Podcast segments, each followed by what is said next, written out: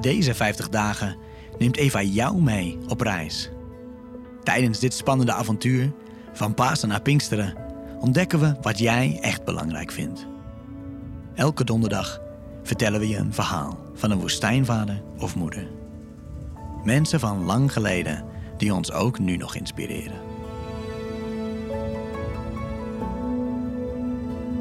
Woestijnvader Poimeen is misschien de bekendste woestijnvader van allemaal. Dat komt waarschijnlijk doordat de meeste spreuken in het boek Woestijnvaderspreuken van hem afkomstig zijn. Meer dan 18 spreuken en verhalen zijn over hem bewaard gebleven. Het woord poimeen betekent herder. Zo'n naam past goed bij de herderlijke toon van de spreuken die van deze monnik zijn overgeleverd. Poimeen toont een zacht karakter, met oog voor de menselijke zwakte.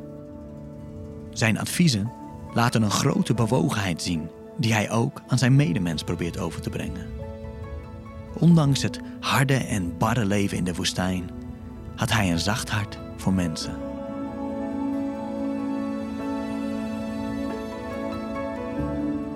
Poimeen werd eens bezocht door een paar monniken.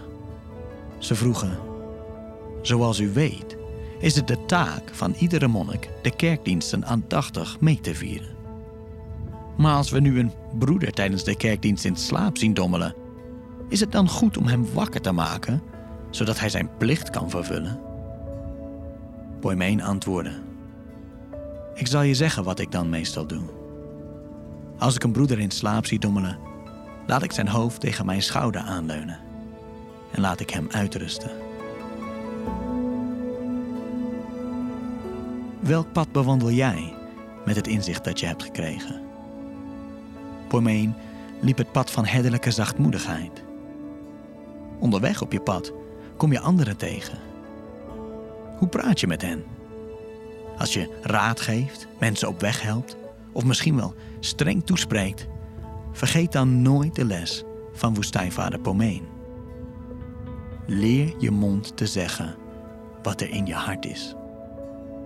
Splits jezelf niet op in wat je zegt en wat je voelt. Dat loopt een stuk makkelijker.